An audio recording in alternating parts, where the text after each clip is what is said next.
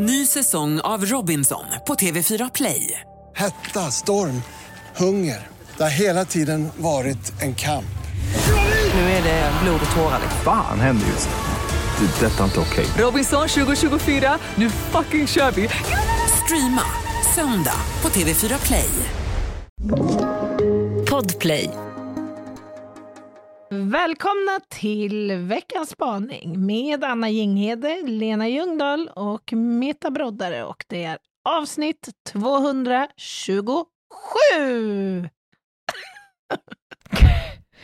Återigen låter det som knäckehäxan. Jag börjar gilla det. Ja, men det har något ändå, är det inte lite? Wow!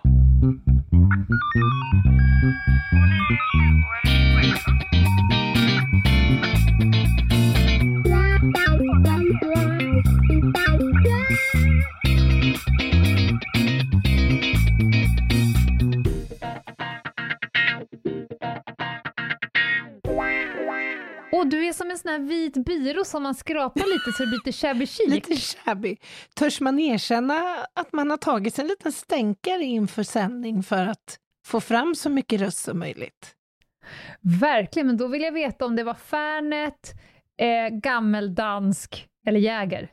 Alltså i morse när jag vaknade, då fick jag knappt inte fram röst alls. Nej. Så jag var så här, okej, vad har vi att jobba med här? Jag hittade kortisoninhalation, grönt te, honung, ingefära och sen gick jag in då i det dammiga barskåpet så att säga. Ja. Och där längst in, där fanns det en liten skvätt Jägermeister. Ja. Jag tänkte, jag får väl var testa det där. så här Ja, sockrig ja, och ja. hård? Ja, Ja, fan vad härligt. men faktum är att det har fasen funkat. Alltså man får väl Ja. ändå betrakta det som terapeutiskt då. en sån en liten- succé. En liten hutt bara. Ja, jag är glad för det. Att du hörs tydligt, för nu ska vi banne med spana. Men innan dess har jag en Jag fick nämligen en fråga i veckan, när jag Jaha. var iväg och föreläste. Vad som var, eh, vad jag hade på min bucket list. Oj! Saker som jag vill göra innan jag dör. Mhm, mhm. Och då sa jag tre saker, och nu berättar jag dem av den enkla att du ska få lite betänketid, för du ska ju snart få säga till mig typ tre saker som du har på din bucket list. Okej. För jag tänker att våra lyssnare kanske vill lära känna oss lite mer ibland. Mm, mm, mm, mm. Mina tre tror jag inte kommer göra att de lär känna mig, för jag tror att de är ganska förväntade. Mm. Ett, jag vill någon gång i mitt liv innan jag dör bo i New York. Ja, det är coolt ju. Ja. Mm. Inte bara vara där liksom ett gäng med veckor, utan jag vill liksom ha min bostad i New Mm. York Mm, någon gång. mm, mm. Jag vill också någon gång ta min son till Bora Bora. Det är en sån där grej som han Okej. har drömt om. Jag vet inte varför, varifrån det kommer, men från han var kanske fyra. Aha. Är så här, älskling, är något särskilt du vill göra idag? Åka till Bora Bora? Men vadå, grottorna? Är det inte grottor? Eller? Nej, men det är fel väl en, en hel jävla örike? Okej. Eller har jag mer? Helt, Nej, det är det eller säkert. ett, en ö kanske? Bora Bora. Ja, Franska kanske- Polynesien. Po- Jaha, okej. Ja, jag förväxlade Ja. väl med något. Ja, men, men det är så här, det vill jag ändå, och någon gång sa jag så här, men vi hinner inte till Bora Bora, försökte jag då slingra mig Ja. den här veckan. Du får välja något annat resmål. Ja, då tar vi Gävle, sa han. det tycker jag är roligt. Så det står på bucketlisten, eller? Ja, där har vi faktiskt varit av någon outgrundlig anledning, för det är ett riktigt jävla rövhål. Men, men att ta min son till Bora Bora hade varit kul, eftersom det har Mm. varit som en sån här grej. Verkligen. Rart. Och sen sista grejen, som jag tror kanske ligger närmast till hands. De Mhm. andra två känns ju lite mer avlägsna. Jag vill sitta vid ett, jag vill ha ett hus i skogen. Det behöver inte vara lyxigt och så vidare, men det ska vara utan grannar, utan staket. Jag vill ha ett, ett hus i skogen vid en sjö. Jag vill sitta inne, dricka en kopp kaffe och titta på hur Doris skrotar runt Mm. ner i strandkanten. Det är liksom, Men vänta nu. det är vänta dit nu. jag sliter. Strandkant och skog. Ja, Du men skickar alltså, lite dubbla budskap Ja, jag här. fattar. Du ska inte tänka strand så som segla sko på västkusten, utan mer att skogen tar slut och det blir mer vått. Ja, ja, ja. I den kanten där, fattar, där skrotar hon runt. Ja, jag fattar. Det blir fuktnytt. Nu har du fått Nu har du fått tillräckligt mycket betänketid, Anna. Ja, men alltså det är ju förvånansvärt eh, det här, för att vi har ju typ samma grejer på våra lista. En lång, att göra en long stay har varit eh, på min bucket list. Och vi Ja. var på väg att flytta till Australien för några år sedan. Eh, och Just av det. eh, olika skäl så blev det inte så. Men det skulle jag kunna tänka mig att göra. Ta med familjen och uppleva en annan del av världen, så att säga. Mm. Yrkesmässigt och kulturellt och allt det där. Ja. Jag drömmer ju om ett litet, litet, litet, litet krypin på västkusten. ja, du är ute efter, efter stranden. Gärna Mellbystrand, ja. Ja. ja. Ja. Ja. och sen har jag ju, jag skulle så väldigt gärna få åka på Grand Slam-turneringar i tennis. Och ha platser så att man Mm. sitter nära och får uppleva tennisen nära. Mm. Tänk att få uppleva Se Wimbledon. underarmens Ja. muskler spela. Alltså, franska öppna, australiensiska öppna, Wimbledon eller för den delen US Open. Alltså, dröm. Okej. Ja, men vad kul. Då har vi fått lite mer inblick. Ja. Nu ska vi se, det är ju måndag, det är veckans spaning och då brukar vi få en inblick i Metas liv också. Mm-mm. Förra veckan var det ju av en jävligt deppig karaktär. Ja, det var När räven hade slaktat alla tufft. hennes hönor. Ja. Hjälp. Och som vanligt har ju Över min döda kropp-familjen slutit upp och Mm. bildat det här nätet som är under de som flyger i trapetserna i Mm. taket. Mm. De fångar upp, det påbörjades någon form av Swish-kampanj eh, och har hjälpt Meta att liksom få igång det där igen. Mm, även om hon fint. fortfarande bearbetar chocken och sorgen. Mm, mm.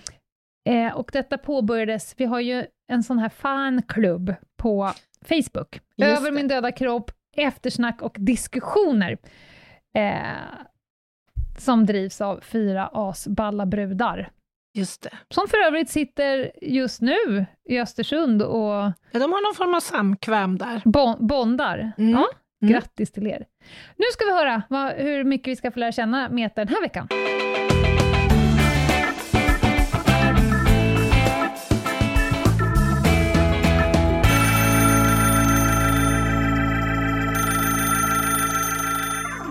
När jag var sisådär tio år gammal så började jag spela fiol för musikskolan, eller kulturskolan. Och eh, efter två år någonting så tyckte min spelfröken att jag skulle börja spela i orkester och inte bara ta eh, ensamlektioner så att säga.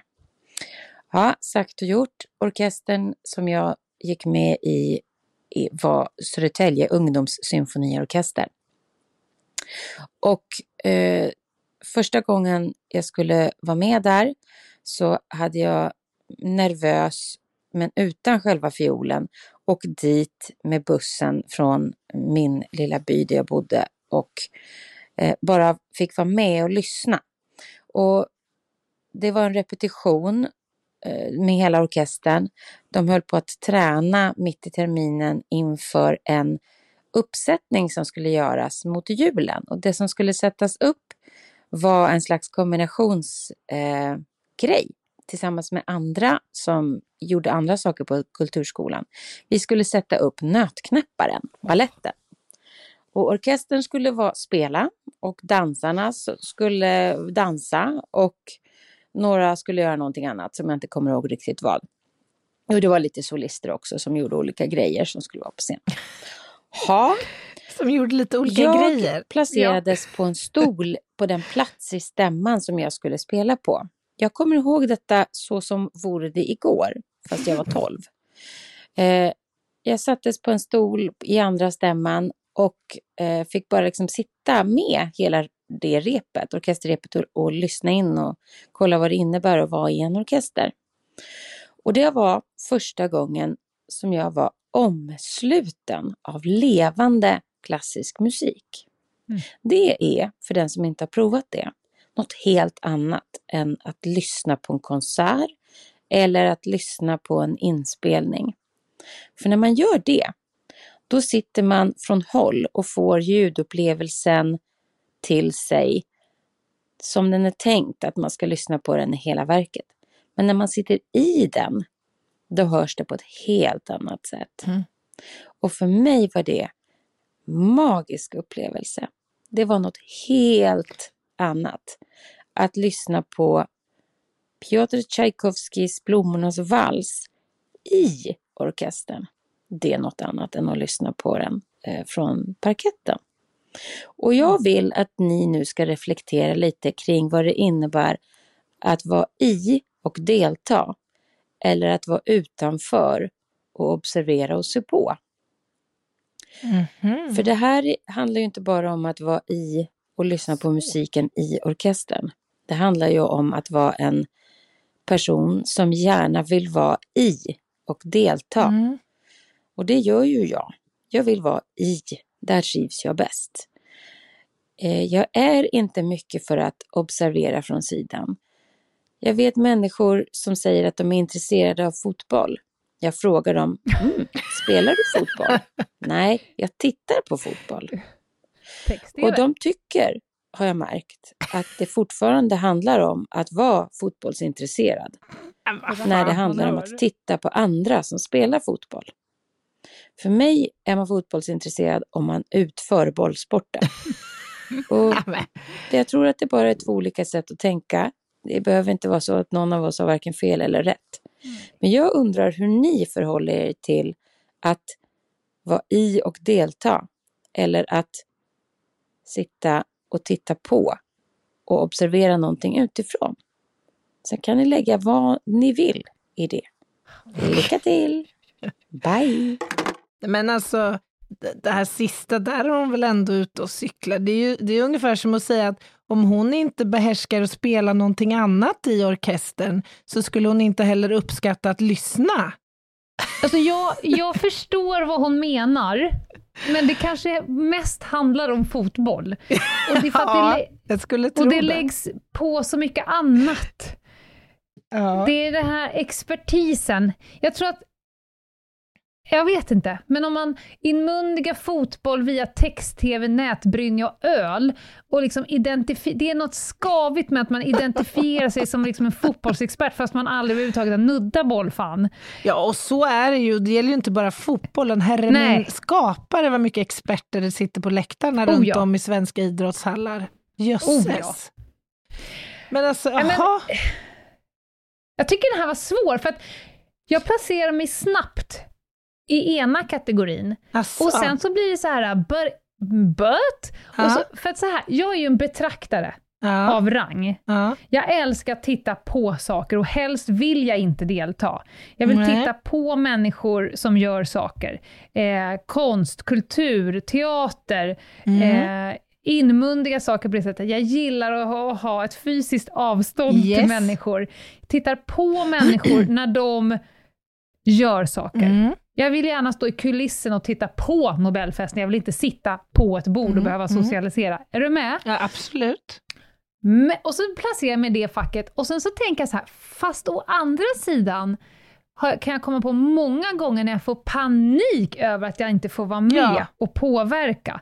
Det är klart. Det är få gånger man blir så jävla frustrerad som när man ser, betraktar människor som försöker uträtta någonting Eh, och sen så ser man en annan lösning, man, vet, Mm. man, vill, man är också en lojal teamledare, så men gud jag vill hjälpa till. Mm. Att höra saker på polisradion att någon behöver hjälp och inte få vara där, det är för Exakt. fan tre gånger så jobbigt som att vara där och slåss. Ja, ja. Så att jag, det, jag landar i att det beror på jävligt mycket på vad vi pratar om och vad det är för typ av situationer. ja, jag är helt, helt enig. Jag är helt enig. Alltså, jag, kollar du på Robinson? Absolut inte, det är Nej. på TV. Det är på tv, ja. Precis. Jag, Jag, kollar jag kollar på... väldigt sällan på, på program där de plockar ihop en knippe B, C och D-kändisar och så ska de slåss mot hemorrojder, mygg och frusma i några veckor. Då Nej, men- dör jag. Ja, ja, men jag, jag, jag anade nästan det. Men jag Ja. föredrar ju det där som du just eh, för, Jag vet. förkastade. Och det är särskilt ett moment där som jag tycker är ganska intressant, eh, så här gruppdynamiskt. Och det är momentet när de här lagen och lagmedlemmarna ska skaffa sig något form av högst primitivt men ändå bo, alltså skydd Ja. och sovplatser. Och då är det väldigt intressant att se hur människor väljer där. För där har man ett Mm. val. Ska jag kliva in och göra och visa vägen och agera? Eller ska jag vara Mm. den som håller en lägre profil, ställer sig utanför och observerar, men som kanske har jättebra idéer och tankar kring hur man bör bäst bygga då Mm. ett sovskydd som håller och står emot regn och allt det där. Mm. Och jag har ju själv varit lite intresserad av att vara med i Robinson. Det kanske jag inte har pratat om så högt. Men, Då kommer jag titta. ja, ja, men det, och det har varit lite en sån här... Anna med hemorrojder, då, Tanke. då fångar du mig. Ja, och då brukar jag fundera på när jag hamnar i, den där, i de- det där momentet, hur hade jag själv agerat? Just det. Och då tror jag att jag hade tänkt så här, nej, jag ska hålla en låg profil. Alltså jag ska inte vara den som liksom är en eh, duktiga Karin och jag ska inte heller vara den som eh, lätt hamnar i konflikt. Men jag inser också att hade jag stått där bredvid och konstaterat att de har ingen aning om vad de pysslar med, så hade jag haft Nej. jättesvårt att inte Ja. kliva in och vara i det. Ja, jag, jag, jag håller med. Det är väldigt osannolikt att jag skulle vara med i Robinson, men jag har förmågan att backa ur organisatörshatten om det Mm. finns någon annan som gör det bra. Men jag, precis som du, står inte ut av när man... Nej. Och det här är rakt nedåtstigande från min morsa, ska jag säga. Mm. Jag kan måla upp en situation, jag ska till eh, kyrkogården, allhelgonahelgen, det är fucking knökfullt, Skogskyrkogårdens tunnelbanestation. Mm. Jag har en tre månaders på magen Mm. Mm. i en babybjörn. Kommer Mm. knappt av tåget för att det är så fullt på tåget och på perrongen. Mm. Och då tänker jag, ska jag behöva ta tag i det här nu? Alltså det är helt Mm. omöjligt att folk inte... Men långt bort hör jag en oerhört välbekant röst Aha. som står på andra sidan perrongen och skriker om alla som ska på håller sig till... Då är det min morsa. Du, då står hon på andra sidan perrongen och har styrt upp skiten. Och då tänker jag så här, herregud vad äpplet inte faller långt från trädet. Och då är det så skönt att bara vaggas in i, men då måste någon annan ta tag. Ny säsong av Robinson på TV4 Play. Hetta, storm, hunger. Det har hela tiden varit en kamp. Nu är det blod och tårar. Fan händer just nu. Det. är Detta är inte okej. Robinson 2024, nu fucking kör vi! Streama söndag på TV4 Play. Ett poddtips från Podplay. I fallen jag aldrig glömmer djupdyker Hasse Aro i arbetet bakom några av Sveriges mest uppseendeväckande brottsutredningar. Går vi in med hemlig telefonavlyssning och, och då upplever vi att vi får en total förändring av hans beteende. Vad är det som händer nu? Vem är det som läcker? Och så säger han att jag är kriminell, jag har varit kriminell i hela mitt liv men att mörda ett barn, där går min gräns. Nya säsongen av Fallen jag aldrig glömmer på Podplay. Men det finns en annan aspekt av det här, eh, nämligen när man ska lära sig någonting. Mm. Så är ju vissa så här, lär sig lättare genom att eh, göra och andra lär sig lättare genom att betrakta. Ja. Minns du de här övningarna som man fick göra på polisskolan? När man tvingades in i ett rum med höjd beredskap. Alltså du skulle Mm. gå in och till exempel eftersöka en person som skulle gripas i en miljö och du hade ingen aning om vilka Nej. som fanns där och var han eller hon eventuellt fanns. Och, och för er som inte fattar, så höjdberedskap är att man har tagit ur pistolen ur sitt hölster och har den framför sig och är jävligt beredd. Precis. Mm. Och då var det ju några krakar som fick utsättas av att vara då i och delta och övriga fick stå i en ring utanför och observera. Ja. Och, och hela syftet med den här övningen var ju att visa hur lätt det är under stress att mållåsa på ett hot Mm. och missa andra hot. För att Ja. hjärnan klarar liksom inte av att processa flera stressorer samtidigt som liksom det Nej. gör det övermäktigt. Jag var ju en av de där då som blev utpekad att delta. Jag gick ju såklart rätt i fällan. Mm. Eh, och, och det var ju inte så jävla lattjo såklart. Även om jag vet att det var inget jag hade kunnat påverka. Men det var ju ett otroligt pedagogiskt bra, eh, bra Ja. grej för alla som observerade. Och där hade jag Mm. önskat att jag själv hade fått möjlighet att också observera och inte bara delta. Just det. Så det beror ju på vad det är, återigen som du var inne på, vad Ja. det är fråga om för situation skulle jag säga och för syfte. Jag menar, ta friklättring till exempel.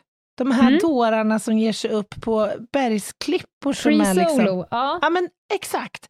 Det Mm. är ju oerhört, tycker jag, läckert att betrakta det här. Att observera någon annan göra det här, eller hur? Någon annans dumhet. Ja. Ja men alltså det, det, det tilltalar mig verkligen. Alltså jag får Ja. både adrenalinpåslag och alla känslor samtidigt i kroppen. Mm. Men jag skulle naturligtvis aldrig varken vilja eller kunna delta i en sån aktivitet själv. Nej. Men det är väl fint att man kan inmundiga fler eh, nyanser av livet eh, som betraktare. Att man kan, man, kan, man kan välja om man vill delta Mm. eh, genom att vara i det eller genom att betrakta. Mm. Men om vi ska ta det till det hon säger, hon upplever ju att, att sitta mitt i en orkester är ett helt annat sätt att ta sig till ett verk som att sitta i publiken och lyssna på det, Mm. när man har det utanför sig så att säga. Eh, jag, jag säger så här, det beror nog också på Alltså skönheten i att uppleva någonting som betraktare kan nog påverkas, nu blir det lite filosofiskt igen, men kan nog Mm. påverkas av hur många referenspunkter man har till det. Jag kan Absolut. jämföra med mig själv när jag kollar på naturprogram med Ekman. Mm. Henrik Ekman pratar om någonting. Mm. Varför jag älskar det så mycket, det är för att när jag sitter och tittar på ett program om när han pratar om någon jävla fågel, eller liksom hur mullvaderna rör sig, alltså, bara, kan vara vad som helst, då kan ju jag ju lägga på min upplevelse genom att jag hör skogsljuden, för jag har varit Mm, där. mm. Jag kan nästan känna lukten av det jag tittar på. Jag Ja. kan nästan förnimma ljudet av när jag sätter min vandringskänga på en kvist som brister under mig. Mm, mm. Hade jag inte någonsin varit i skogen, då hade nog mitt upplevelse av naturprogrammet blivit plattare och kanske hade jag inte uppskattat ens, Absolut. ens betraktandet lika djupt som om jag faktiskt kan växla mellan att vara utanför och mitt i. Ja, Var men- du med? Absolut, och detsamma tänker jag gäller ju meta. När meta, som är ett musikaliskt eh, fenomen, sitter mitt i det, så kommer hon uppfatta, ja, där kom obon in, och där Mm. kom triangeln in. Ja, Och där, ja, och där tog hon fel Ja. ackord eller rätt ackord. Medan den som lyssnar som, och som inte har de här preferenserna eller förkunskaperna kommer ju plocka in andra saker som tilltalar förhoppningsvis den Mm. personen. Och det innebär ju också att den som lyssnar kanske kan uppleva samma nivå av tillfredsställelse därför att den vet inte vad den inte vet. Förstår du? Den Nej, har inte jag- förkunskapen att kunna uppleva samma sak. Nej, den vet inte hur att sitta mitt i. Och det kan ju till och med vara så att det hon upplever som fantastiskt att sitta mitt i, kanske kan för någon annan upplevas som jättejobbigt, Exakt. för att man är så omusikal så man kan inte su- Precis. eh, särskilja. Jag brukar jämföra det med, vi har en koreograf som då och då på dansen drar igång så här helt hysteriska jazzlåtar. Oh. Och där jag, där jag får stresspåslag, Oj! för att jag kan inte, ja men jag Till kan inte urskilja liksom.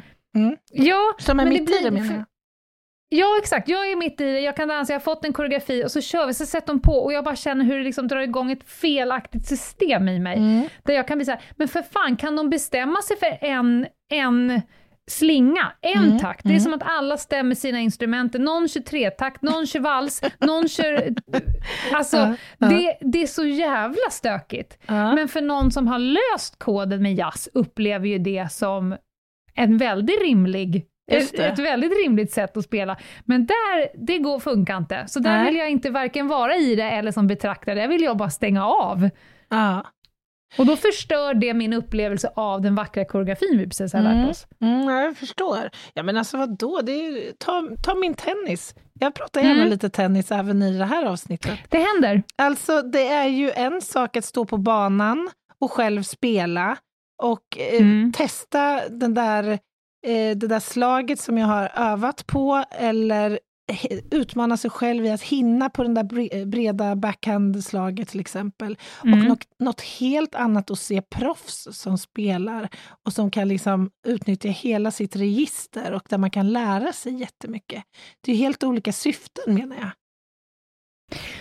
Ja, men jag tror att du är bättre på att njuta av att betrakta tennis med tanke på att du vet hur varje sak de gör på banan känns i din kropp. Ja men så kan det i och för sig vara, absolut. Om man jämför med att du, jag kan ju till exempel i OS gå helt in och kolla på en curlingmatch. Ja. Eh, innan jag själv hade testat på, så kunde Ja. jag sitta och bara, men vad fan, om du, du gör exakt samma, hur jävla svårt ska det vara, har jag ju tänkt. Du gör ju exakt samma, det är ungefär som, jag fattar inte varför folk inte kan slå iväg en golfboll på, två, på samma sätt två gånger. Det är det enda du gör. Det är liksom en och samma rörelse. Ja. Men, eh, men så fick jag på någon form av teambuilding testa på curling. Mm. Och sen den dagen så har jag mycket mer djuplodad respekt. Och ödmjuk eh, respekt för svårigheten. Det händer. Ja. Ja. Men, men både innan och efter så njöt jag av att titta på curling. Jag tycker Mm. det är mesmerizing att titta på curling, men nu tittar jag på ett lite annat sätt, för jag tänker, det är otroligt att de inte ramlar runt på röven när de skickar ut sådär. Det, det var inte självklart, och jag skulle vilja säga att jag har ganska bra balans. Ja. Men det är väl så att vi tilltar, alltså där handlar väl egentligen om liksom vad man tilltalas av rent intressemässigt och vad som får oss Ja. att må bra. Och sen kan man ju applicera det här att delta i eller att vara utanför och observera kan man ju, delta, eller kan man ju applicera på en massa olika sammanhang. Jag tror vi alla minns skoltiden och där det så fort det var fråga om att någon skulle tas fram och demonstrera eller användas som försöksperson, det var alltid Ja, samma tre Det är personer. ju döden. Ja. Och, och, alltså, vissa kanske är mer benägna att delta i och vara i det, medan andra gärna hellre är observatörer. Men det går inte att tillämpa på alla tänkbara liksom, sammanhang. Generellt så borde vi ju vilja hellre vara i, om vi ser till vårt flockdjursmänniskor. Det är för oss en, ett hot att alltid vara, att vara utanför, det är ett större hot för oss. Att inte få vara Mm. med i flocken, det är ju Absolut. den som dör först. Kanske det största man- hotet, ja. Mm. Ja. Så, ja, det beror nog på vad man har för läggning här. Mm. Men, men jag kan bara, om jag utgår från mig själv, konstatera att ibland vill man vara mitt i smeten för att det har chans att påverka och för att det känns kul. Och ibland vill man vara the little wallflower Oh, och yes. bara betrakta. Ja. Och allt är rätt. Allt det, ja, det sa hon ju ganska tydligt att Ja. Ja, det, alltså hennes förakt för de som tittar på fotboll, det, det sken ju Men igenom. vad, vad Men i- handlar det där om då? Vad, vad kommer Ja, men- det av? Jag vet, ja, jag kan säga själv att jag, jag kan själv ha det föraktet. Därför att de är såna jävla experter. Och då skulle, då ibland, jag vet inte hur många gånger jag har tittat på Hasse, Bosse och Gunnar och bara Alltså om, du, om vi bara skulle smsa ner dig på planen här nu så hade du ju själv dött. Du hade ju fått gubbvad och bruten hälsena vid första steget. Men de är så jävla säkra. Ja, men handlar inte det här i själva verket om föraktet mot självutnämnda experter? Jo, kanske. Eller? Jag vet inte. Ja, oavsett. Jag vet, jag vet inte. Nej. Ja, men, intressant. men sen är det ju också... Nej, det kommer till en alldeles egen rövhatt, kommer jag på nu. Så det tar vi någon annan gång. Det, Ja, men tack. kan man nibbla. Föräldrar Ja. som har själva varit duktig på en sport och sen så ska, ja, du vet, Ja, avkomman försöka få sin eget liv. Det är också en intressant idé. Men det kan vi ta sen. Ja, men det där, och det där väcker en tanke hos mig. Det tar vi nu. Nej, men just det där som du säger, när föräldrar själva har utövat en sport, så kan man bli expert. Men det är också ett intressant fenomen när en förälder inte har utövat en sport. Min Mm. son är ju truppgymnast, som du vet. Och Ja. gymnastik är ju så långt ifrån mina egna sportsliga erfarenheter som du bara Mm. kan komma egentligen. Och då blir observatörsrollen ashäftig. Därför att jag Mhm. lär mig ju inte bara en, vad en, en helt ny sport liksom handlar om, utan jag får ju också se min son utöva saker som jag, all, som jag inte visste någonting om. Nej. Och för den delen, jag skulle aldrig kunna uttala en tanke som verkar vettig kring Nej. hur saker ska göras och inte. Och det är Men faktiskt, vilken gåva! det är skönt ja. Det var det jag skulle komma Mm. fram till, det är ju asskönt Och kunna sitta där. Jag har ingen aning om om det där var bra poäng eller inte bra poäng, eller var Nej. väl genomfört eller inte. Jag bara tycker det är coolt. Ja, jag tror kanske att det är en gåva och en fördel för er båda. ja, definitivt. Nej, men jag tror Ja. att många barn tycker det är svinjobbigt med föräldrarna som, som liksom ska trumfa ungarna i, i liksom... Definitivt. Verkligen. Det, det är som en förälder som ska försöka hjälpa ungen med matteläxan och kommer med förslaget liggande stolen. För det gick så jävla bra när jag var ung. Ja. faktiskt. Nej, hörni, det här var ju en intressant spaning. Svår. Och som vanligt Ja. kom vi inte fram till någonting annat än att å ena sidan och andra sidan. Mm. Men så är livet. Det är så livet är. Livet trummar på och på torsdag, hörni, då kommer jag att få blomma ut. Som jag aldrig annars får. Nej. Nej, för Du får fan. nästan inget talutrymme alls i podden, Nej. Lena. Nej. Och på torsdag så får vi se hur din röst mår. Det kanske är en fördel att du får ganska lite talutrymme. Vi ska prata om Ja. narkotikaspaning. Just det. Superspännande avsnitt. Ja, och vi får se vilken väg vi skola vandra, för det finns många eh, saker att nibbla på där. Men Mm. det blir spaning, det blir lite... mm, kan säga så här att jag tror att jag har haft span på mig i veckan. Ja, det, är Mm. ju en, det har ju något. Det har ju något. Och sen tycker jag inte vi ska glömma bort att nämna att det också kommer medfölja en jätte, jätteviktig lista. Det kommer det göra, det ser vi fram emot. Mm. Och tills dess så har ni det jättebra och ni kan gå in på vår hemsida Ljungdahl och Ginghede och ni kan tänka att ni är som, som eh, Rom ungefär. Alla vägar bär dit, alla vägar bär därifrån. Och där till kan man- Instagram. Och... Precis, och där kan man både delta aktivt eller observera, om man känner för det. Snyggt Anna! Ja? Vilket jävla proffs du är! Ta hand om er. Yes. Ha det gott. Bye! Bye, bye.